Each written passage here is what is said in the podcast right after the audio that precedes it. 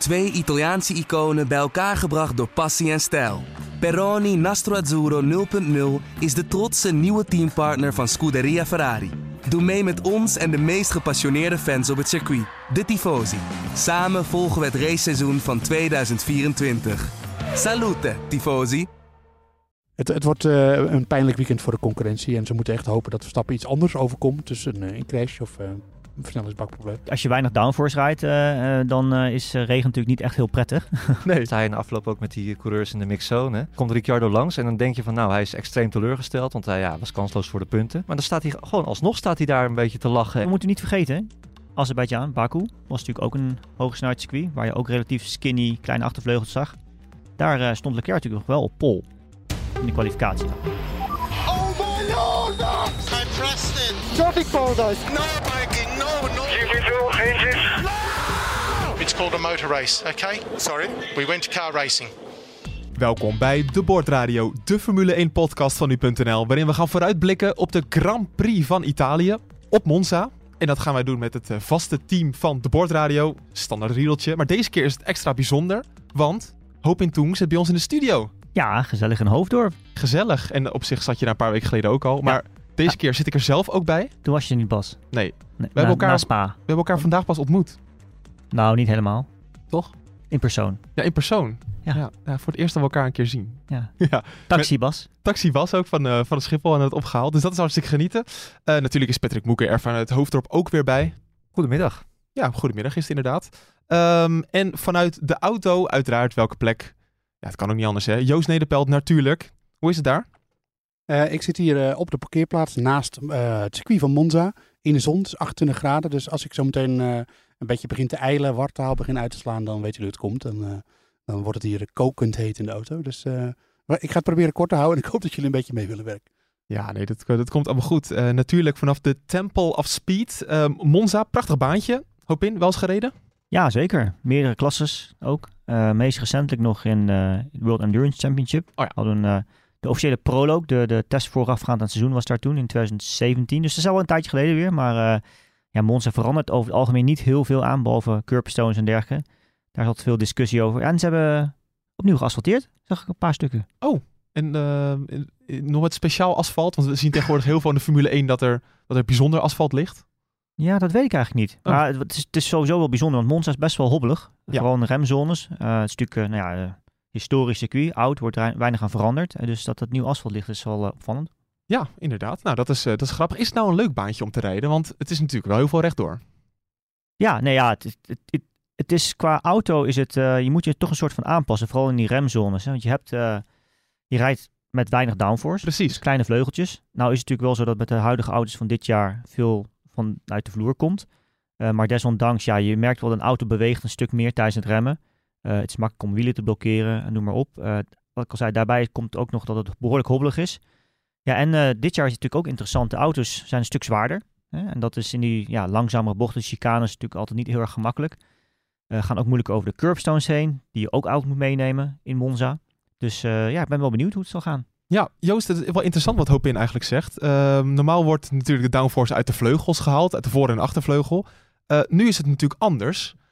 Ja, heeft dat nog consequenties voor de setups van de auto's eigenlijk? Nou ja, ze hebben wel een hele andere setup nodig, denk ik, dan afgelopen jaar. Maar uiteindelijk komt het wel nog steeds op hetzelfde neer. Want oké, uh, nu komt er meer downforce uit de vloer van de auto. Maar dat was vorig jaar natuurlijk in zekere zin ook al zo. Dan was dat ook al, nou, ik noem even een lukraak getal, iets van 60% of zo. Uh, nu zal het meer zijn, al heb ik daar geen percentage van. Dus je gaat nog kleinere vleugels zien inderdaad. En het, enige verschil is dat je natuurlijk vorig jaar heel veel auto's had met rake. Die een beetje voorover stonden, bijvoorbeeld de Red Bull. En dat, dat, nu, dat ze nu proberen allemaal zo laag mogelijk te rijden. Ook al is nu nog steeds, dat valt me wel op. Ik heb de laatste tijd veel vergelijkingfoto's ervan gezien dat de Red Bull nog altijd het hoogste staat van allemaal. En dan toch de meeste downforce genereert. Oh. Uh, maar bij elkaar, die hele lage auto's, uh, dat, dat zorgt wel natuurlijk voor een hele andere afstelling. Uh, en veel stijvere auto, wat Nuk Hopin net zegt ook over dat je over de curbs moet. Ik denk dat dat nu nog iets pijnlijker wordt voor de coureurs. En dat, ik hoop dat alle vullingen goed vastzitten. Want als je vooral in de variant Alta of, of in de eerste chicane goed over die curbs gaat, dan ja, dat, dat, dat, die voel je volgens mij wel eventjes. Ja, Hopin, is dat zo? Voel je die? Ja, nou, dat voel je zeker. Ja, dat is vooral die Apex curbs in, die, in de twee chicanes eigenlijk. Ja. Eh, en wat typisch aan Monza ook is dat je heel veel exit curbstone gebruikt. eh, uitkomen van de Lesmo's bijvoorbeeld. Hm. En ja, we hebben wel eerder gezien natuurlijk dit jaar dat dat niet altijd heel gemakkelijk is met deze auto's. Een stuk stijver. Ehm, en ik ben benieuwd ook of we eh, het porpoising weer meer zullen gaan zien. Eh, omdat je natuurlijk heel lang op hele hoge snelheid rijdt, zit je helemaal ja, natuurlijk zo laag mogelijk in de soort van stop qua rijhoogte. Om die rijhoogte te kunnen controleren. Ja, en als je dan pumps tegenkomt, en die zijn er genoeg op Monza op de rechte stukken, dan eh, ja, kan het zijn dat dat daardoor weer wordt geïnitieerd. Dus ik ben benieuwd. Ja, Monza een paar gekke races gezien, gezien de laatste jaren. Soms ook wel saaie races gezien daar. Maar ik vind het vooral een mooi circuit gewoon met eh, de omgeving. Hè, hoe het daar is, eh, met die bossen. eh, al die gekke tifosi die er natuurlijk nu ook dit jaar weer eh, eh, zullen zijn. Het is echt typisch zo'n race dat meer is dan eh, echt alleen de Grand Prix. Gewoon ja, heerlijk om gewoon die beleving daar te zien als je weer op, eh, op Monza bent of er naar kijkt. Ja, al dus eh, onze snelste coureur van, eh, nou niet de snelste coureur, van ons vieren. Moet toch nog even gezegd worden. ons drie, hè?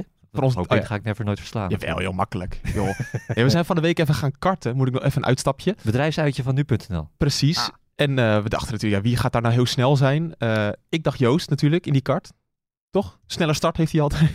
Ja, ik, ik had vooral, jij, jij nam het heel serieus. En eh, dus ik dacht, nou, ik ga Ja. nog een paar collega's van ons. Ik denk, ik ga vooral absoluut niks eh, zeggen voor, vooraf, niet over van de toren blazen. Hm. En eh, ja, er is een, toch een gemist talent in mij eh, verloren gegaan. Ja, maar echt, die Moeke, hoop in, die was snel. We, we zijn bij Blekenmolen gaan rijden, Race Planet in Amsterdam. Snelste van de dag, Baantje 2. Eh, wat reed je? 25 seconden, nog wat? 24,89. Zo. Ah, het was, was vast een goede kaart, hè?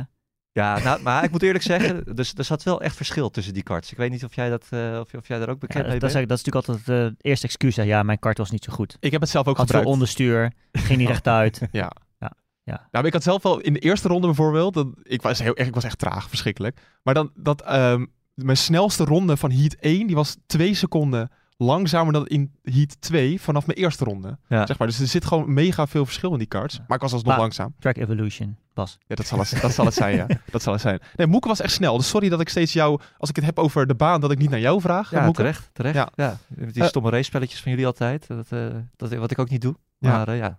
Ja. even orde op zaken gesteld. Joost blijft trouwens heel stil. We hadden namelijk een heat van 10 minuten, hoop in. Dan mag je dus 10 minuten karten. Nou, hartstikke kort, toch? Eh, nou ja, het ligt een beetje aan natuurlijk als je op, een baan als Monza 10 minuten rijdt, is het minder vermoeiend dan dat je het op Monaco doet bijvoorbeeld. Ja, nee, Joost vond het na zes rondjes prima. Stopte die ermee. Doe eh, zes rondjes keer eh, 26 seconden en dat was het een beetje. Toen vond hij het te zwaar worden. Ach. Joost? Ach, ach jongen, Nou, je hebt het wel leuk vond- gehad, toch?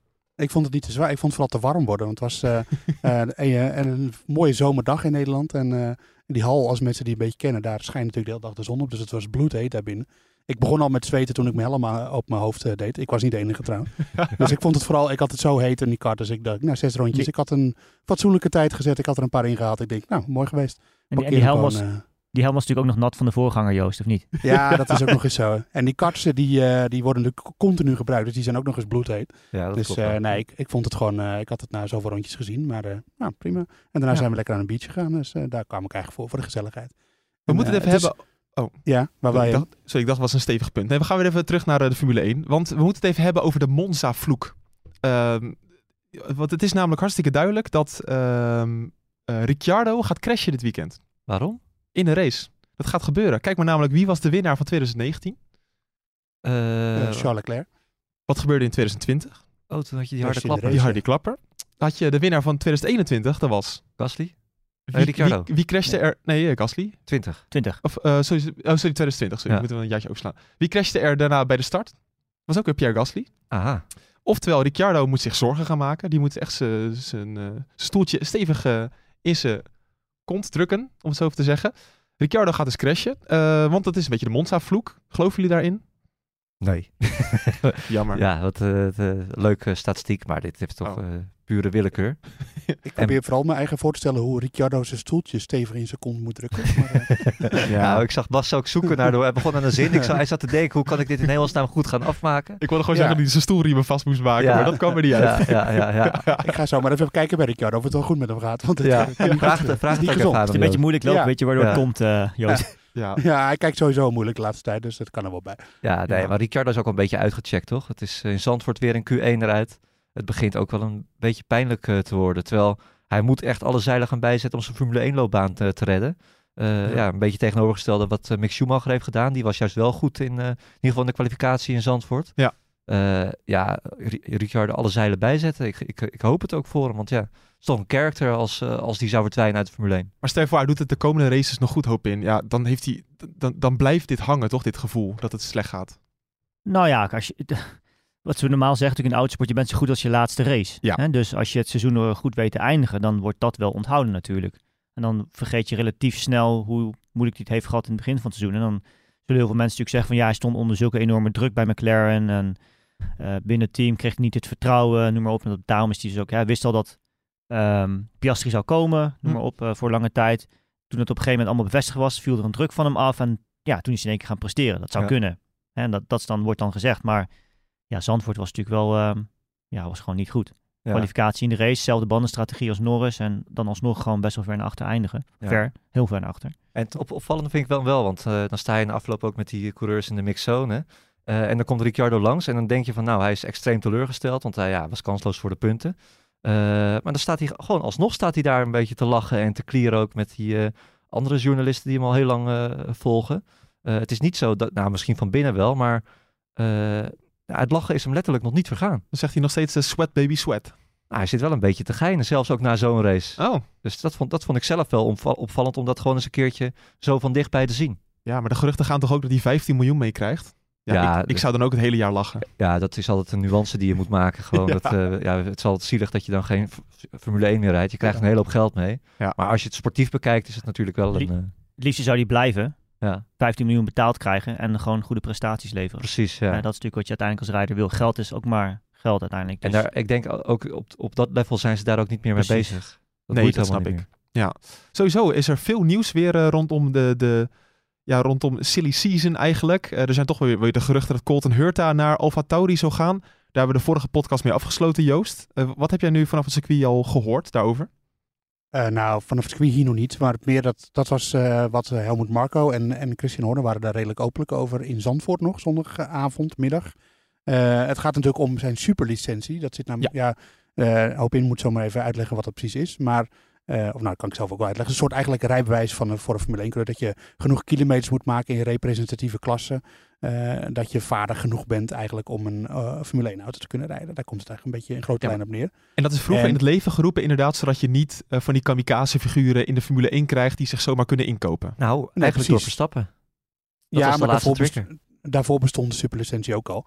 Eh, alleen het gaat er gewoon vooral om dat je niet eh, dat Jan en Alleman die een stoeltje kan kopen, dat die mee kan rijden. Daar gaat het eigenlijk vooral om. Zoals En- Latifi, Stroll en zo. Ja, maar die hebben wel gewoon de juniorklasse doorlopen. dus ja, dat, eh, nee, die, hebben, die, die hebben heel veel geld neergelegd om Formule 1 te kunnen rijden. Ehm en, fijn, IndyCar wordt een beetje ondergewaardeerd in dit hele gebeuren. Want daar, dat levert vrij weinig punten op voor een superlicentie. Want je moet een bepaald aantal punten halen. En Colton Hurta gaat dit jaar waarschijnlijk geen, met zijn alleen zijn IndyCar activiteiten geen superlicentie behalen. Dus moet er een soort van dispensatie komen. Eh, en als dat geregeld wordt, en dat zou ongeveer dit weekend bekend worden, eh, dan, ehm, dan kan dat inderdaad. Dan kan hij naar AlphaTauri en dan kan Gasly naar Alpine. Dat is een beetje de constructie zoals hij er nu voor staat. Eh, er is alleen één eh adder onder het gras en dat zijn uiteraard de andere teambazen. Want die vinden dat je niet zomaar iemand eh, dispensatie voor die superlicentie moet geven. Ehm, en als teams elkaar dwars kunnen zitten, dan laten ze dat natuurlijk zeker niet na.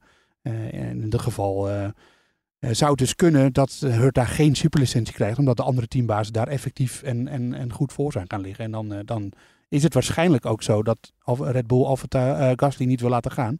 En dat hij dus gewoon bij Alfa moet blijven. En dat Alpine nog weer op zoek moet naar een andere coureur. Dat is een beetje het scenario zoals het nu zich afspeelt. Ja, maar er zijn de mensen, en ik zag ook Nick de Vries die dat een beetje oneerlijk vindt, dat mensen zich gewoon aan de, aan de superlicentieregels moeten houden.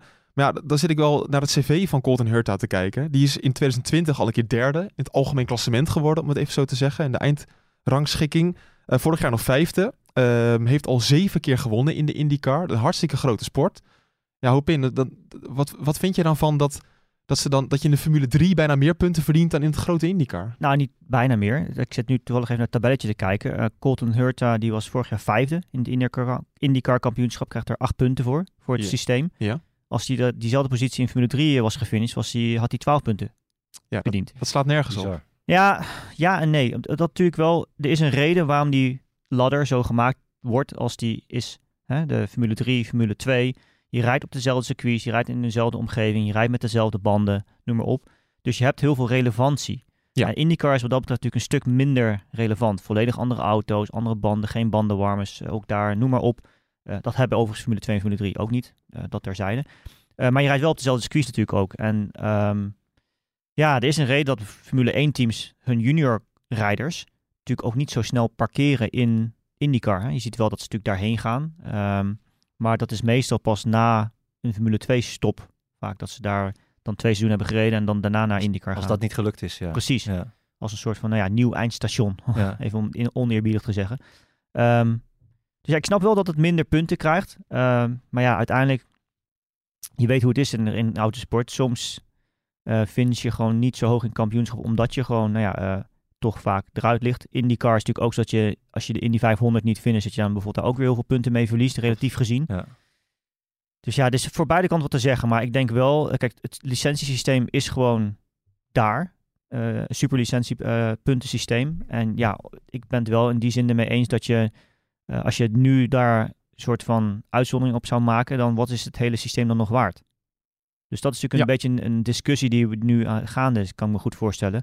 Van ja, we hebben dat allemaal opgezet. Als we dat nu niet doen, ja, dan denkt iedereen in de toekomst van we kunnen wel een uitzondering erop maken. Ja, maar soms moet er ook iets gebeuren voordat de regels aangepast worden naar iets relevants. Bijvoorbeeld met Verstappen, dat de leeftijd werd verhoogd naar 18.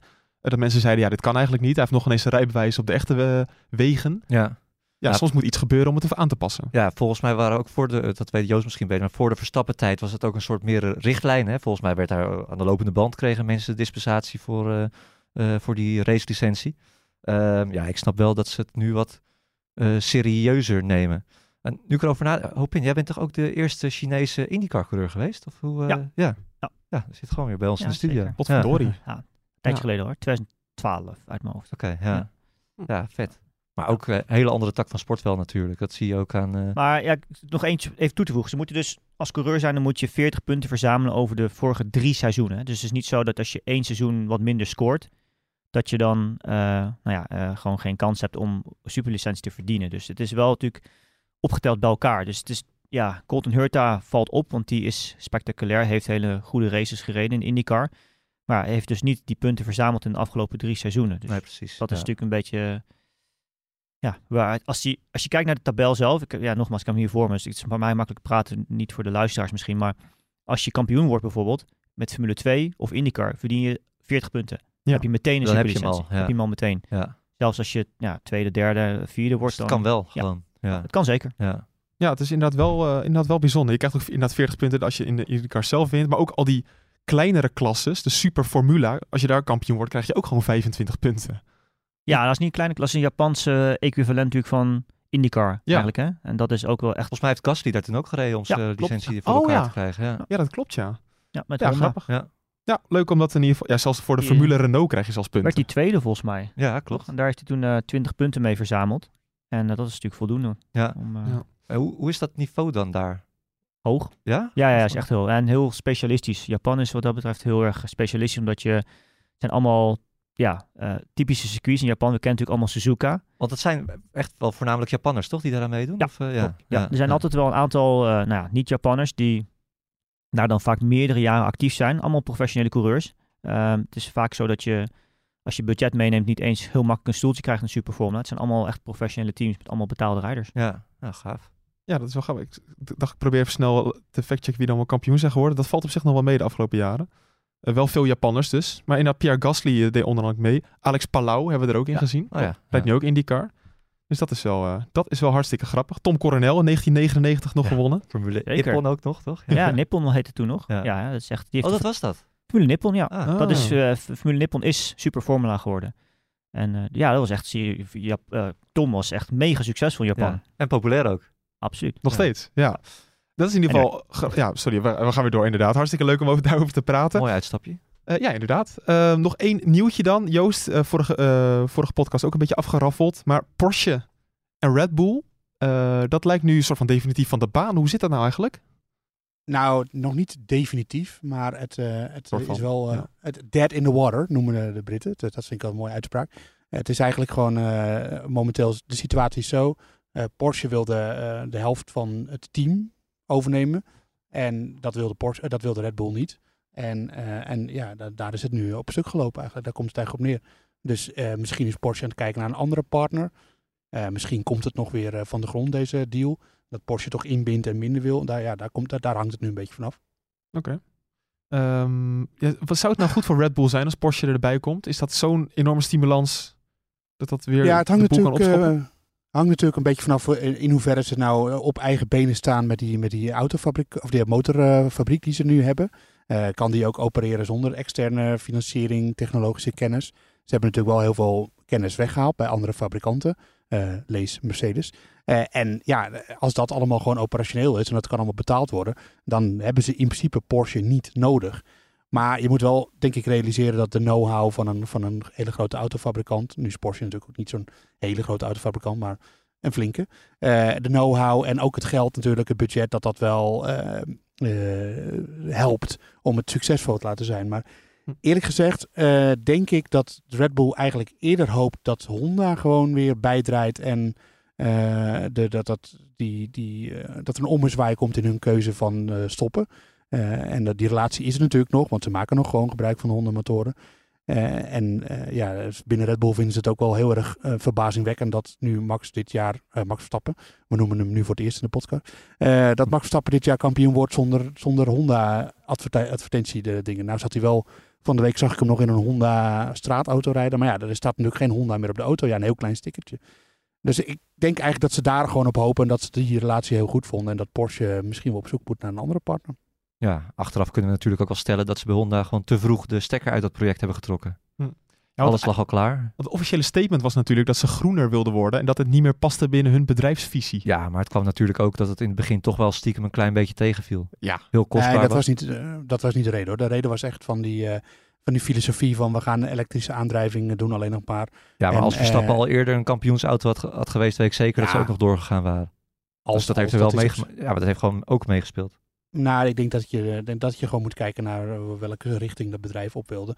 Eh, alleen ja, het is nu wel ironisch dat, eh, dat Audi ook zegt van ja, wij hebben binnenkort alleen nog maar elektrische, nou binnenkort over een paar jaar alleen bouwen alleen nog maar elektrische auto's, maar we gaan wel Formule 1 doen. Dus dat hele element van, eh, van die motor eh, die we in 2026 gaan krijgen, wat een veel groter elektrisch aandeel gaat krijgen natuurlijk. Dus 50% elektrische aandrijving. Ja, dat trekt dat soort autofabrikanten toch weer over de streep. En misschien eh, denkt, eh, denkt Honda nu ook van, nou ja, dan, eh, dan willen wij dat ook wel. Dan, eh, dan zijn we er ook wel voor te porren. Dat, dat zou kunnen. Maar ja, ik, eh, ik, ja, ik begreep wel dat ze op het hoofdkwartier in, eh, in eh, Japan echt spijt hebben van dat ze ermee gestopt zijn. Dus ja, eh, misschien is dat een mogelijkheid. Misschien komt het toch nog weer van de grond met Porsche. Maar het is nu even de vraag welke kant dat op gaat. Ja. Of zoals jij dat zegt, dat gaan we in de gaten houden. Ja, zeker interessant. Zeker Ja. interessant, ja. Nee, ja, we moeten het nu echt even over Verstappen gaan hebben. Dit is een historische podcast een beetje. Dat we het zo laat over Charles Leclerc, Max Verstappen, Lewis Hamilton hebben.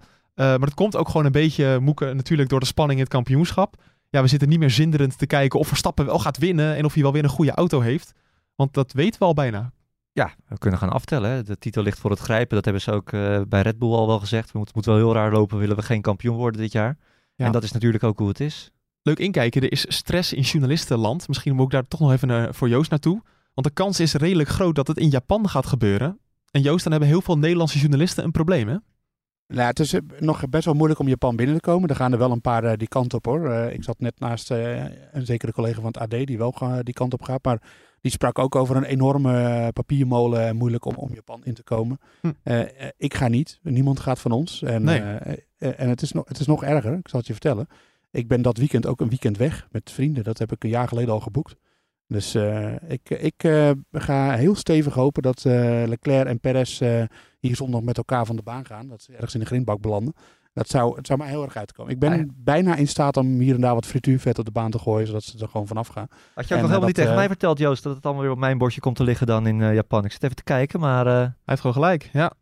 Ja, maar zeg je nu dat, het- dat je dat niet aan kan, eh, Patrick? Dat je mij heel hard nodig hebt? nee, maar dat gaan we natuurlijk wel weer even compenseren dan later dit jaar. Ja, Heel dat is goed. goed hoor. Nee, ehm, hoop in. Wat je zegt over de spanning in het kampioenschap. En er komt ook nog eens Monza eraan. Waarin wij eigenlijk wel weten dat de Red Bull daar zo onwijs snel gaat zijn. Ja, ja. Monster draait natuurlijk voornamelijk om topsnelheid. Hm. Remstabiliteit ook wel natuurlijk, hè, maar topsnelheid natuurlijk. En ja, daar is de Red Bull dit jaar natuurlijk superieur ten opzichte van niet alleen de Ferrari, maar iedere auto. Hm. En ehm, ja, ik denk, eh, ja, dat gezegd, wat wel natuurlijk is, we moeten niet vergeten, Azerbeidzjan, Baku, was natuurlijk ook een hoogsnelheidscircuit, waar je ook relatief skinny kleine achtervleugels zag. Ja. Daar eh, stond Leclerc natuurlijk nog wel op pol Ja, klopt. in de kwalificatie dan. Hè? Ja. Maar eh, ja, ik denk Monza is toch wel weer een iets ander verhaal. Heb je wat minder nou ja, eh, uitaccelereren, noem maar. Het is ook een soort bochten zoals je in, in Baku wel hebt. Dus ja, Auto is ook wel weer iets anders nu natuurlijk. precies. Ook Die, weer verder ontwikkeld. ja. Dus eh, ja, nee. Moeten we op basis van Spa bang zijn voor de verschillen? Of moeten we het niet zo erg overdrijven? Nou ja, ik denk dat Spa natuurlijk ook wel in grote zin eh, werd gevoed. Ook door de manier waarop Verstappen met banden wist om te gaan in de race. Hm. En eh, dat heeft natuurlijk een enorm voordeel gebracht. Eh, wat heel uniek was aan Spa eigenlijk is dat de auto snel was op de rechte stukken, maar ook in de bochten. Ja. En dat is natuurlijk wel vrij uniek eh, op zo'n type circuit. Want meestal is het of het een of het ander. En, maar allebei is dan, ja, en dat heeft, is gewoon het pakket aan zich. En eh, ja, dat, dat, dat zei ik ook nog in de, in de live chat met nu.nl. Eh, dat is natuurlijk wel heel knap als je kijkt naar hoe Red Bull dat dit jaar heeft gedaan. Is dat ze gewoon een de- In, in voorgaande jaar was natuurlijk ieder jaar een soort van bijna een evolutie qua auto. Men had een soort van richtlijn van oké, ik wil, we kunnen zoveel punten downforce genereren tegen zoveel, tegenover zoveel drag. Eh, dat was natuurlijk voor deze auto's niet echt duidelijk van hoeveel wil je eigenlijk hebben en wat ben je daar bereid voor in te leveren. En nu is het natuurlijk zo, wat Joost al eerder aangaf vandaag in de, in de podcast ook, is dat je, eh, je kunt wel hele kleine vleugels erop zetten, maar de rest van de auto blijft natuurlijk die, die sidepods en het hele concept van de auto. Omdat natuurlijk veel meer downforce dit jaar vanuit de andere eh, eh, onderdelen en dergelijke komt van een auto. Dus ja, dat, dat, dat is iets wat Red Bull gewoon goed voor elkaar heeft. Ja. Ja. Dat is goed ingeschat. Ja, nee, he- helemaal waar. Ja, het is, het is wel apart ook, hè. Die, die luxe ook die ze nu hebben. Hij heeft nu ook op Zandvoort gewonnen. België hebben we natuurlijk gehad, nu weer Monza. Ja, hij, is, hij kan echt in principe kan hij gewoon nog alle races gaan winnen dit jaar. Dat is niet eens gek. Nee. En dan gaan de records gewoon al sneuvelen. Ja, dat is bizar. Ja, want precies. Kijk, er zijn meer races in het jaar. Hè, dus het is ook wel logischer dat dat soort records eraan gaan. Ja, met de meeste punten en alles. Ja, ook die, eh ja, die streak inderdaad van Vettel en Schumacher, die delen hem nog eh, volgens mij. Ja, onge- ongelooflijk. En dat hebben we ook al een paar keer gezegd dit jaar. Terwijl die zeker niet altijd de snelste auto heeft gehad natuurlijk. Nee, dat is ook alweer zo. En ehm, ja, Joost, hoe zal Red Bull nou de, de auto willen afstellen? Gaan ze dan toch weer helemaal voor topsnelheid kiezen om dat nog erger uit te buiten? Of eh, gaan ze zich op andere dingen focussen? Nee, je, je, je, dat, je wil eigenlijk, denk ik, eh, het zo doen dat je op het rechtstuk ietsje sneller bent dan de rest. En dat je juist in de bochten eh, het. eh, als, kijk, als je, als je dat surplus aan topsnelheid hebt, dan hoef je dat niet per se ook. eh, ja, moet ik dat goed zeggen? Je, je hebt er niet zoveel aan, om 25 km per uur harder te gaan op het rechtstuk als je volgens helemaal niet hard door de bochten gaat. Dus ze moeten toch ergens een compromis vinden. En dat compromis wordt makkelijker gemaakt door het feit dat die auto intrinsiek al gewoon snel is op de rechte stukken. En dat hij weinig drag heeft. En dat hij gewoon eh, het, het eh, coëfficiënt, eh, dat dat gewoon heel laag is, het luchtweerstand. Ja. Eh, en, en dus hoef je op het rechtstuk gewoon maar iets sneller te zijn. Dan, dat benut je dan al. En dan kan je juist, denk ik, het in de, in de middensector, dus lesmos en zo, kun je dat benutten. En dat hebben ze volgens mij in Spa ook gedaan. Want daar waren ze ook niet eens extreem veel sneller op het rechtstuk. Het was meer, ze waren snel op het rechtstuk en in de bochten. En eh, ik denk dat we dat gewoon hier weer gaan zien. En eh, ja, als je het nog hebt over, we weten dat Verstappen die rijdt dan met een iets oudere configuratie eh, vloer hè, dan eh, Perez. Maar ik heb, als je gewoon überhaupt kijkt, denk ik dat vooral dat, dat, dat Red Bull ook de beste vloer heeft. Die het minst gevoelig is voor hoogte, rijhoogte. Die het altijd gewoon een groot x-aantal punten downforce levert. En, en, en daardoor zijn ze op dit soort banen denk ik gewoon onverslaanbaar. En inmiddels op elke baan bijna onverslaanbaar. Dus eh, Ja. het, is, eh, het, het wordt eh, een pijnlijk weekend voor de concurrentie. En ze moeten echt hopen dat Verstappen iets anders overkomt. Dus een, een crash of... pak- zouden ze bij Red Bull misschien nog een, eh, een, een gridstraf overwegen voor een nieuwe motor? Nee, dat is denk ik niet meer nodig. Volgens Als mij het- zit Verstappen hartstikke ja. goed in zijn pool. Ik denk dat Sainz, die gaat sowieso een gridstraf krijgen. En, Ja. Maar eh, de, de motorpool van, van Red Bull die staat er beter voor dan die van Ferrari. Dus ik zou niet weten waarom ze dat zouden doen. zou haast wel leuk zijn, hè? Dat, eh, Valentino Rossi deed dat wel eens in zijn extreem eh, dominante dagen. Die reed gewoon expres dan een mindere kwalificatie. En dan won hij de dag erna alsnog de race. Echt serieus? Ja. Oh. Heb je het wel eens gedaan, hoop in, dat je dacht, nou, Nee. ik ben zo goed vandaag? Nee. In de nee, mo- MotoGP is dat misschien was, wel was, iets Was ik makkelijker. maar zo getalenteerd. Helaas niet. Misschien had ik het van jou moeten hebben, Patrick. Ja, ja, wie weet, hè? Ja. Kart, eh. Ja. ja, moet, maar met, al- moet, moet, moet met het karten de eerste drie rondes. Dan ging je inderdaad van zijn gas. En toen kwam je iedereen in één keer voorbij. Ja, Triest. eh, was- ja, heel triest. Nog even in te haken wat Joost net zei over motorwissel of niet hier op Monza. De enige, eh, de reden waarom we bijvoorbeeld liever op Spa zou wisten dan op Monza, is natuurlijk omdat je nou, die parabolica hebt. Hè? Dus best wel lastig, toch wel wat zorg om dichtbij te kunnen volgen. Omdat je gewoon echt veel neerwaarts druk downforce nodig hebt op je voorvleugel. Natuurlijk omdat je anders veel onderstuur hebt daar. En ehm, kleine achtervleugels. Hè? Dus de DRS is iets minder efficiënt hier. Hm. Eh, effectief, als je hem openzet dan, eh, dan op andere circuits. Ja, ik zag inderdaad ook net een fotootje van de achtervleugels van Ferrari en Red Bull. Dat je inderdaad ziet dat de Red Bull een wat, wat hogere vleugel heeft, iets minder stijl. Of eh, ja, hoe zeg je dat? Juist stijler dus. En de Ferrari toch echt wel wat platter en wat groter DRS-stuk ook. Dus die gaan het Ja, toch proberen profiel. daarmee te compenseren. Joost. Ja, dat, ze zullen wel moeten. Eh, kijk, en je, dat hebben we natuurlijk in omgekeerde positie de afgelopen jaren Red Bull zien doen. Dat zij eh, op Monza met minder downforce reden dan Mercedes. Omdat Mercedes, dat die topsnelheid zat al in de auto, dus ze hoefden niet zo extreem te gaan. En Nee. dan over een hele ronde was Mercedes gewoon vaak sneller. En, en eh, ja, Ferrari zit nu een beetje in, in de, de Red Bull positie van de afgelopen jaren. Dus die moeten risico gaan nemen. Eh, en ze hebben ook nog eens een coureur die houdt van risico nemen, Leclerc. Dus ja, ik, eh, ik, eh, ik zou bijna zeggen, eh, het- ik denk dat Leclerc, eh, dat, het zou me verbazen als hij de finish haalt zondag. En met, met Japan, eh, nou gewoon omdat hij, hij is een coureur die gewoon heel veel risico neemt. Die wil in zijn thuisrace voor Ferrari dan, in de thuisrace van Ferrari wil hij het goed doen, dat weten we. En eh, hij heeft een, waarschijnlijk een auto die al een beetje op de limiet is afgesteld qua downforce, qua grip. En ja, ik, ik denk dat dat gewoon een beetje een tricky combinatie is dit weekend. Dat hij wel eens een, een, een crash kan gaan hebben. Want dat hebben we natuurlijk eerder zien doen, eh, 2020 eh, 20. was dat toch? Ja. Ja. En was dat eigenlijk ook zo. Toen reden ze ook met een auto die gewoon, ja, ze moesten op de rand van de grip rijden, want ze hadden niet de topsnelheid. En toen ging hij er ook af. En ja, ik weet niet, ik zie dat op de een of andere manier. eh, eh, het risico dat Leclerc dit weekend crash is veel groter dan dat Verstappen gaat crashen. Ja, en dan rijdt hij ook nog eens in een, eh, in een pakje waarmee hij heel, heel erg wordt belachelijk gemaakt. In echt een bananenpak. Ja. Komt het, eh, ze hebben een speciale livery dit Ik weekend. vind, ik vind het altijd wel mooi. Ik vond die Jordans ook altijd schitterend vroeger met het geel. Ja, Geel, ja. Dat, was, dat was geweldig. Ja, het is, het is meer de combinatie dat dan het hele pak is geel en dan het topje is dan zwart. Ja, Dat ja. is als, zoals een banaan. Ik vind, eh, ja, het, het is weer, het wordt weer, ja, ik weet het niet. Ja. Ik, ik, ik, vind het wel, ik vind het wel mooi. Het is anders. Ik hou altijd wel ook, eh, dat vind ik, ik, ik hou graag van ook kleurrijke liveries. Wat dat betreft vind ik ook de grid van dit jaar niet zo heel erg bijzonder. Maar, weet je wat, eh, nee? Ik, ik dacht, eh, heb je nou banaan logo op je polo shirt staan? Nee, Nee, dat is een vogel. Ja, ja. Wel geel. Ja, wel Ja. geel. Ja, ja, ja. Ode aan de Ferrari en de Jordan. Ja, misschien een beetje een domme vraag. Eh, ik denk dat Joost hem misschien wel het beste kan beantwoorden. Maar we hebben het altijd over Ferrari rood. Maar we zien altijd van vroeger de auto's zijn geel. Jij bent onze historicus, hoe zit dat dan? Ja, Ferrari, eh, dit is, eh, Ferrari heeft eigenlijk twee, echt, eh, ze hebben er vast wel meer, maar twee eh, kleuren die historisch heel erg aan het merk verbonden zijn. Dat zijn natuurlijk eh, rood. Volgens mij heet het Corsa Rosso. Dat is, eh, Corsa betekent eh racen. En die andere geel, dat is Modena geel. Dat is de kleur van de stad Modena, waar Enzo Ferrari vandaan komt. Ah, Ik ga nu een beetje freewheelen hoor, want ik weet het, ik heb het niet opgezocht of zo. Dus ik zeg dit uit, ja, uit het blote hoofd.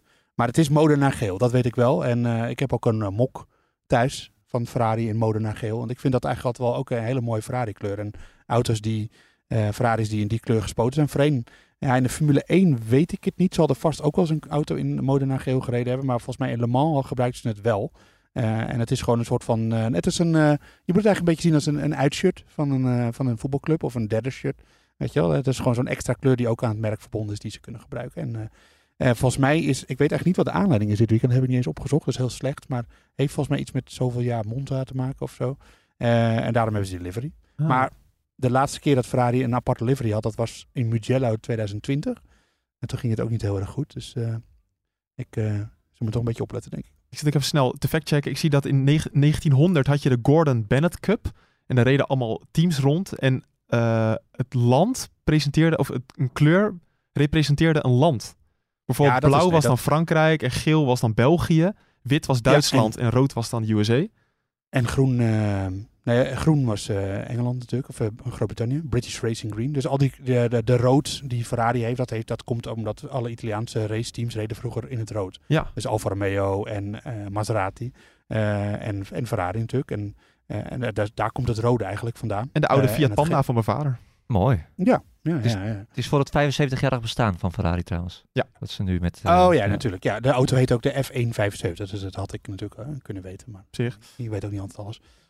Nog even terug naar het verhaal van eh, Verstappen. Want je zei het eigenlijk een beetje tussen neus en lip door, eh, Joost. En ik dacht, we maken er even een technisch hoekje van. Over de verschillende vloeren van Verstappen en Perez. Box, box, box, box. Want best wel opvallend eigenlijk. Ik wist dit eh, niet. Ik had het zelf niet geconstateerd. Maar Verstappen rijdt al twee à drie races met een andere vloer dan Perez. Maar Perez rijdt met een nieuwere variant dan Verstappen. Dan zou je denken, waarom is dat? Nou, kunnen we alleen maar bij Joost uitkomen, denk ik. Ja, kijk, dit, nu ga ik weer eh, op inschattingsgebied, want ik weet het natuurlijk niet, want het team zegt hier niet zoveel over- over. Maar ik denk dat het te maken heeft met verschillende, eh, wat coureurs willen en welk gevoel ze in de auto willen. En we weten inmiddels dat, dat Perez natuurlijk toch een andere rijstijl heeft dan Verstappen, iets anders vraagt van een auto. Hij wil veel meer een stabiele achterkant, hij kan goed omgaan met onderstuur. Verstappen is natuurlijk, dat hebben we al zo vaak gezegd, die houdt van veel front-end grip, dus dat de wielen goed bijten en dan eh, wat de achterkant doet, dat, dat lost hij zelf wel op. Eh, en ik, ik, mijn vermoeden is dat het daar wat te maken mee heeft. Dat ze gewoon, dat Verstappen die oudere vloer lekkerder vindt. Eh, en, eh, of het kan natuurlijk ook met de budgetcap te maken hebben. Dat is ook een andere eh, reden, dat ze er gewoon maar eentje van hebben. Maar dat lijkt me heel sterk. Dus ik denk dat dat het is. En, en als, we hadden het hier in de voorbespreking even over. Dat is, is iets wat de Hopin eigenlijk het beste kan beantwoorden, denk ik. Moet je als team gaan kijken naar de rijstijl van je coureur? En is het niet beter, omdat je dit zo vaak hoort bij teams, dan verschillende rijstijlen. Is het niet beter als teams gewoon twee coureurs zoeken die hetzelfde vragen van een auto? Maar wacht even, is het dan het technische hoekje van Hopin? Nee, het is gewoon. Daar gaan we. ja. Box, box, box, box. Ja, vind ik eigenlijk wel een goede vraag. Nou, helemaal perfect geschikt voor het technische hoekje met Hopin. Rijtechnisch. Rijtechnisch. hoekje. Nou, kijk, de vraag van Joost is wel interessant. Waar, hoe, hoe kan het nou eigenlijk dat je een coureur in je team hebt, Perez, met een hele andere stijl qua rijden dan Verstappen? Dat is toch eigenlijk helemaal niet handig? Het- Een hele andere stijl is natuurlijk ook allemaal... Het, het is allemaal relatief, Ja, hè? Het is jawel. niet zo dat de ene eh, volledig anders rijdt dan de ander. Het zijn uiteindelijk allemaal... Het is heel fijn, die verschillen. En eh, ze, ze staan natuurlijk ook wel regelmatig wel dicht bij elkaar. Maar als het dan echt aankomt op races waar het misschien wat moeilijker is... of waar het net wat meer, nou ja, toch wat op de limiet, de grens is... eh, ook qua, vooral qua eh, eh, in window krijgen van banden, noem maar op, zulke soort zaken... dan zie je dus dat eh, het vaak snel één kant opvalt. En dat heb je natuurlijk ook gezien dit jaar. Dat, eh, nou ja, races, eh, Spa denk ik daar echt een heel goed voorbeeld van. waar dan zoiets heel erg uitvergroot wordt. En uit, uiteraard is het zo dat je als, als team zijn het liefste twee coureurs hebben die een soort van dezelfde, dezelfde rijstijl hebben. Ehm, ja, maar dat, ja, dat is natuurlijk niet, dat, ja, dat is moeilijk. Hmm. Daar, daar selecteer je natuurlijk, misschien, daar zou je op willen selecteren, maar dat kan eigenlijk niet. Nee. Maar in het voetbal ook. Ik moet, ik, ja, Ajax was toevallig dan gisteravond. Die moeten geen snelle spits hebben die steeds eh, diep kan gaan. Die hebben misschien meer een wat balvastere spits nodig. Maar de- daar zijn de verschillen wel veel groter hoor. Dan, eh, Ja. Dat, ja. Mhm. Kijk, Rijst, wat de hoop in zegt, het is wel allemaal relatief natuurlijk. Uiteindelijk Ja. kan je als... Ja, je, je maakt als coureur wel het verschil. eh, maar dat zit niet zozeer uiteindelijk echt in je, in je rijstijl als het gaat om afstelling van de auto. Nee, maar ik hoorde dan bijvoorbeeld ook een Norris zeggen die nog steeds niet tevreden is over zijn auto. En die zegt dan ook, de auto doet eigenlijk het complete tegenovergestelde van wat ik lekker vind. Dat is, is dat, dat- creëer je dan wel een goede auto eigenlijk? Ja, zeker wel, tuurlijk. Ja. Maar het is natuurlijk wel zo dat tijdens, tijdens een seizoen gaat een ontwikkeling een bepaalde richting op. En op, die wordt gefocust op bepaalde input van rijders. En ja, in het geval bij Red Bull kan ik me goed voorstellen dat dat toch iets meer naar Verstappen toe gaat. Want ja, uiteindelijk is dat ook de persoon die ook altijd levert. Precies. Hè? En, en dat zie je heel duidelijk in het begin van het seizoen. Dat is toch een beetje speculeren. Maar ik kan me voorstellen dat eh, bijvoorbeeld Alexander Albon veel ontwikkelingswerk heeft gedaan voor hen. Ook in de sim en dergelijke, als je dan die data hebt. En, en die heeft natuurlijk een rijstijl die waarschijnlijk iets meer lijkt op die van eh, Sergio Perez. En dat is misschien ook de reden geweest dat in het begin van het seizoen Verstappen daar iets meer moeite mee had. En dat, eh, dat Perez er iets comfortabeler in was dan dat het nu het geval is. En uiteindelijk was Verstappen toen ook nog sneller. En Perez staat nu wel gewoon nog tweede natuurlijk Ja. in het... eh, Ja, ja zeker. En uh, Perez spinde natuurlijk in Zandvoort in de kwalificatie in Q3. Maar tot op dat moment zat hij toch wel akelig dichtbij ook Verstappen. Dus weet je, het is allemaal... Het zijn hele fijne verschillen. Ehm, maar die fijne verschillen komen vaak meer tot uiting, vind ik. eh, als je kijkt naar een raceafstand. Omdat je dus daar dan ook weer te maken hebt met bandenmanagement en noem maar op. En als je dan een bepaalde rijstijl hebt, komt dat meer tot... Ja, wordt het uitvergroot eigenlijk. ja, precies. Oké, nou dat is interessant om te weten. Eh, laten we van het ene bumpertje naar het andere bumpertje gaan. Want ik wil natuurlijk weten of er onweer komt, of er chaos komt, overstromingen. Patrick Moeken gaat het vertellen. Yes, it's go! No, Max Verstappen! Five cars off at the corner. This is the worst start for a Grand Prix that I have ever seen in the whole of my life. Ja, de vraag is, eh Moeke, is er iets te melden over het weer? Ja, wel iets, wel iets. Oh. Eh, we kunnen het natuurlijk ook eventjes, eh as we speak, vragen aan onze man ter plaatse. Want ik, mij was vandaag eh, best een regenachtige dag eh, in Monza beloofd. Oh. Ik weet niet, wat, wat zie jij nu als je omhoog kijkt, eh Nederpelt? Ja, ik zie wel wat wolken, maar het is, het is een beetje broeierig. Maar het heeft vannacht enorm geregend en geonweerd hier. Ja. Eh, Oh. eh, tenminste, ik zit op een half uurtje van het circuit in La Marzo. En eh, vooral vanuit de Alpen kwam wel heel veel regen en onweer. Eh, maar dat ging er eigenlijk een beetje langs. Eh, maar voorlopig heb ik niet de indruk dat het hier heel snel gaat regenen. Oké, nou vanavond eh, wel. ja, dat kan ik alvast eh, voorspellen. Eh, dus zoek een lekker droog plekje op waar je mooie pizza kan op eh, eten, Joost. Want het eh, gaat, helemaal, gaat helemaal los. Ik heb ook niet de indruk dat het gaat regenen, want je kijkt naar buiten. Nou, nou ik denk het niet. Nou ja, dat is eh, toch mooi. Eh, Goed op, goed. Ja, hij, hij, hij kan het weten. Ja. Ehm, het wordt wel steeds minder helaas, de regen. Het eh, zou morgen tijdens de, tweede, of de eerste vrije training, die pas om eh, twee uur begint eh, trouwens, latertje op de vrijdag. eh, zou het nog kunnen regenen. Niet, geen al te grote kans. Maar die regenkans neemt eigenlijk steeds meer het eh, weekend af. En vrijdag en, eh, of eh, zaterdag en zondag blijft het gewoon droog. Oké. Nou, dat is eh, goed om te weten. eh, dat het in ieder geval gewoon een beetje, een beetje droog blijft. Volgens mij ook helemaal niet handig, hè, Pin, als je van die lage achtervleugels hebt en zo. Dat het dan ook nog eens gaat regenen. Ja, dus als je, als je weinig downforce rijdt, eh, eh, dan eh, is eh, regen natuurlijk niet echt heel prettig. Nee. Maar ja, dat, als, dat het geval zou zijn, dan werkt het natuurlijk wel weer in de hand bij Red Bull, denk ik. Omdat ik denk dat die, eh, als je zeker naar vleugels kijkt, de eerste foto's die, die druppelen natuurlijk een beetje binnen nu vanuit Monza. Eh, lijkt er wel sterk op dat die eh, qua vleugels dan in ieder geval meer rijden dan bijvoorbeeld Ferrari. En zeker dan Alpine bijvoorbeeld. Ja, maar jij zei ook nog dat Alpine, waarschijnlijk, daar moet je echt weer op gaan letten, hè? Ja, die ging natuurlijk sowieso in Baku al gigantisch snel op het stuk. En die hebben nu ook weer echt een onwijs skinny achtervleugel. En wat wel interessant is, als je kijkt naar... ook Misschien dat luisteraars zelf ook gaan zoeken naar vleugels op, op Twitter of noem maar op. Eh, het is altijd leuk, eh, je wordt heel snel afgeleid natuurlijk door de flaphoek. Hè? Dus dat is eigenlijk het, element wat normaal open gaat als de DRS open gaat. Eh, dat is natuurlijk iets wat al heel erg in het oog springt. Maar je moet ook echt kijken naar die mainplane. Hè? Dus de, de, de platte vleugel, zeg maar, aan de bovenkant. Ja. Ehm, die is veel meer gekomd als een lepel bij Red Bull. Dus die levert veel meer neerwaarts druk daardoor. En kijk ook zeker naar de beamwing. Dat is eigenlijk die aan de onderkant zit. Dat zie je haast als een soort van verlengde van de diffuser. Zo, zo werkt die over het algemeen. Eh, bij Ferrari is die bijna plat, joh. Bij Red Bull staat hij onder een grote hoek nog steeds. Dat is, dat is een groot verschil. En dat is eigenlijk wat een beetje aansluit op het verhaal van net, dat Red Bull misschien iets meer vleugel durft te zetten. Ja, nou, die, die kunnen het zich veroorloven. Omdat die met meer vleugel nog steeds net zo hard op het rechtstuk zullen gaan als Ferrari waarschijnlijk. Ja, Ja. die hebben die topsnelheid al. Ja. En dat is natuurlijk ook wat Mercedes al die jaren gehad heeft. En dat is nu echt wel helemaal gekanteld. Dat blijft ook nog steeds wel gek, vind ik. En hoe zit het bij Aston Martin? Want daar gaan we natuurlijk eh, de- naar de vrijdag ook naar kijken. Ja, we weten vast niet de, de- de details daarvan. Maar wel leuk dat we daarnaar kunnen kijken, omdat natuurlijk Nick de Vries weer mee gaat doen. Die gaat een beetje infiltreren bij alle teams en die kijkt vanzelf wat het leukste is. Derde keer al, hè? Ja, ik kan me ook wel een beetje voorstellen dat het misschien aan de andere kant ook wel een beetje frustrerend voor, voor hem begint te worden. Want hij staat, ja, hij is een makkelijke prooi voor die, eh, voor die Formule 1 teams. Ze moeten allemaal een x-aantal keer een rookie la- eh, laten, laten rijden. En ja, als je Nick in die auto zet, dan weet je gewoon, hij, eh, hij weet hoe het eh, gaat. Hij is inmiddels best wel ervaren, ook als het gaat om eh, Formule 1 tests. En hij heeft, ja, hij heeft het eigenlijk ook in al die tests heeft hij het gewoon hartstikke goed gedaan. Precies. Dus ik hoop, ik hoop echt voor hem dat hij dit jaar eindelijk eens een keer beloond gaat worden met dat, eh, of volgend jaar dan, met een Formule 1 stoeltje. Williams is daar zijn enige en meest logische kans daarop. Ik geef hem een aardige kans nog steeds, maar ja, het is dit jaar wat dat betreft denk ik wel alles of niets. Want hij is, hoe je het ook bent of keert, ook niet meer de allerjongste. Hm. En dat moet wel een keertje gaan gebeuren. En dan naast Albon natuurlijk. Ja, want die is al Latifi bevestigd. Ja.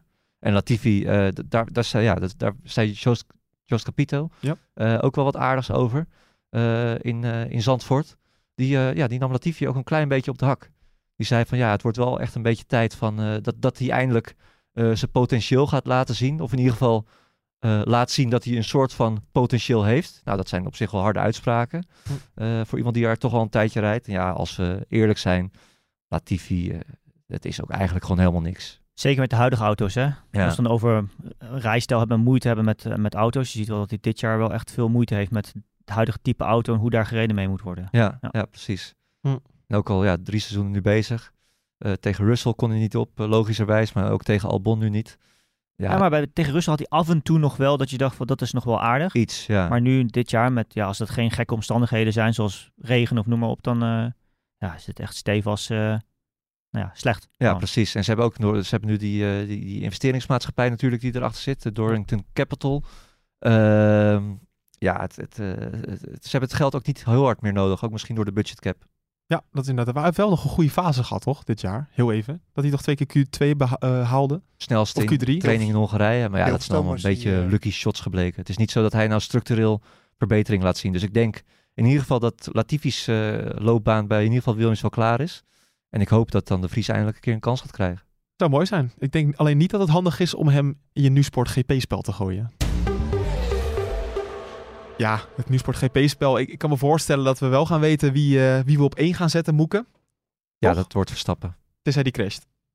ja, ja, dat kan het niet. Dan, kan, dan wordt hij geen eerste. Maar ik denk dat Verstappen gewoon gaat winnen dit weekend. De enige manier dat hij niet kan winnen is als hij crasht. Ja, als hij het zelf Of een verpest. motorprobleem. Ja, of motorprobleem inderdaad. Ja, ja. ja, dat denk ik inderdaad. Eens hoop in? Ja, ik denk eh, als je daarop gaat wedden bij de bookmakers dat je niet veel eh, wint. Nee, maar dat was ook wel in Spa. Ik dacht, eh, ja, af en toe wel leuk. Gewoon even, ook even kijken hè, hoe, wat, wat de boekjes zeggen. Maar zelfs op Spa, toen hij dus als veertiende moest starten, was hij zo zwaar voor de eh, favoriet. Hm. Je kreeg voor 1 euro inleg, kreeg je 1,80 euro terug. Dus niet eens keer twee. Nee, moet je nagaan. Ja, dat zegt eigenlijk wel genoeg. Terwijl je op de veertiende plek start. Ja, dat is niet te geloven. Dan moeten we eigenlijk even gaan kijken wie we dan daarachter gaan gooien. Wordt dat dan een, een Ferrari? Kijk, toch even naar jou hoop in. Want jij bent altijd een beetje, als het gaat over Mercedes, dat je Nee, ja, altijd wel Merce- spot on nee, bent. Nee, Mercedes gaat eh, deze race eh, niet meedoen om, eh, om, de, om de overwinning op de, pla- om de, gro- de grote bekers, zeg maar. Dat, nee. Punten zou voor hen goed zijn, denk ik. Dat zal wel gebeuren, maar Nee. daar is het, een beetje intrinsiek. Hè? De Mercedes zelf is gewoon niet goed op die snelle circuits. Het concept voor hen is, eh, is heel rijhoogtegevoelig, dat weten we natuurlijk inmiddels. Het window waarin het, kan open, waarin het werkt is ook heel klein. Nou, dan heb je dus een circuit als Monza waar je dus heel veel nou, ja, hoge snelheid hebt. Waar je dus ook veel hobbels hebt. Nou, dat is eigenlijk allemaal niet het recept voor Mercedes. Succes. Ja, inderdaad. Zou Alpine dan nog sneller kunnen zijn dan Mercedes? Dat denk ik wel. Leuk. Nou, hou daar rekening mee in je GP-spel. Gaan we toch even kijken voor de top 3, Moeken. Ehm, Verstappen, Leclerc, Alonso. En Perez dan? Als die Red Bull zo snel is. We vergeten altijd dat Ja, Perez. het, ik, ik, ik, gun- ik gun Ferrari ook wel gewoon een podium. In Oh, ja. Italië, op Monza vind ik toch wel weer mooi. Ja. Leclerc, ja. Ja. Ook een beetje wish- wishful thinking. Maar Ja. ik, geloof, ik geloof er ook wel in in deze. Ik hoop dat Joost ondertussen niet overleden is in, die, in zijn warme auto. Allemaal gekreun en gezucht op de achtergrond. Ja, ja, dat is allemaal uitgeknipt, dus dat hoor je niet. Oh. Maar wij horen hem wel eh, zuchten natuurlijk. Eh 34 graden is het in de auto inmiddels, Joost. Maar kan je wel nog een voorspelling doen?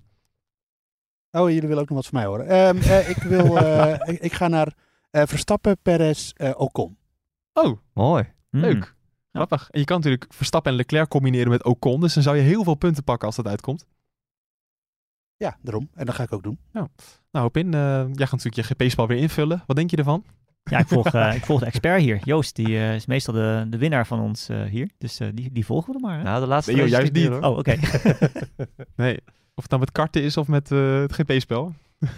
Ja. Hey, Hij geeft eh, snel op. Je kan, het, je kan natuurlijk heel mans doen over dat kart, eh, Bas Scharwacht. Maar jij kwam aan daar op die kartbaan en je had de- de baan overkend op YouTube. Ja, en klopt. wist waar je Zeker. moest- niet hoefde te remmen. Ja. Grote praatjes vooraf. Ja. Eh, je, weegde, je weegt de helft van wat ik weeg.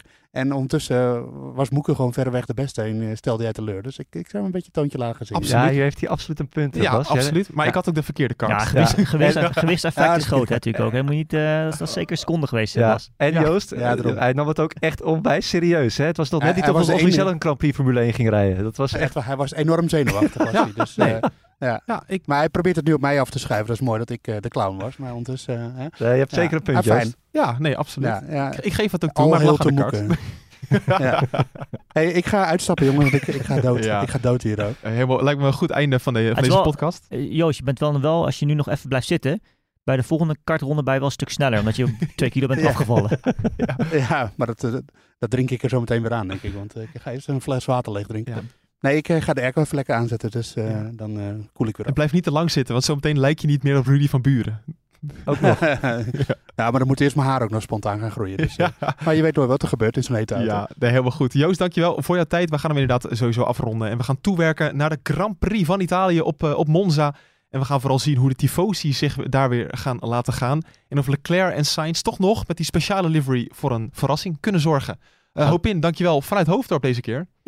Leuk jongens, Ja, zeker. We doen nog even een rondje redactie zo. En dan zie je ook weer hoe het leven hier is allemaal. gezellig. Ja, eh, Patrick, dankjewel weer. Joost, succes daar. En we zien elkaar weer terug op zondagavond bij de terugblik op de Grand Prix van Italië. Tot dan. Ciao.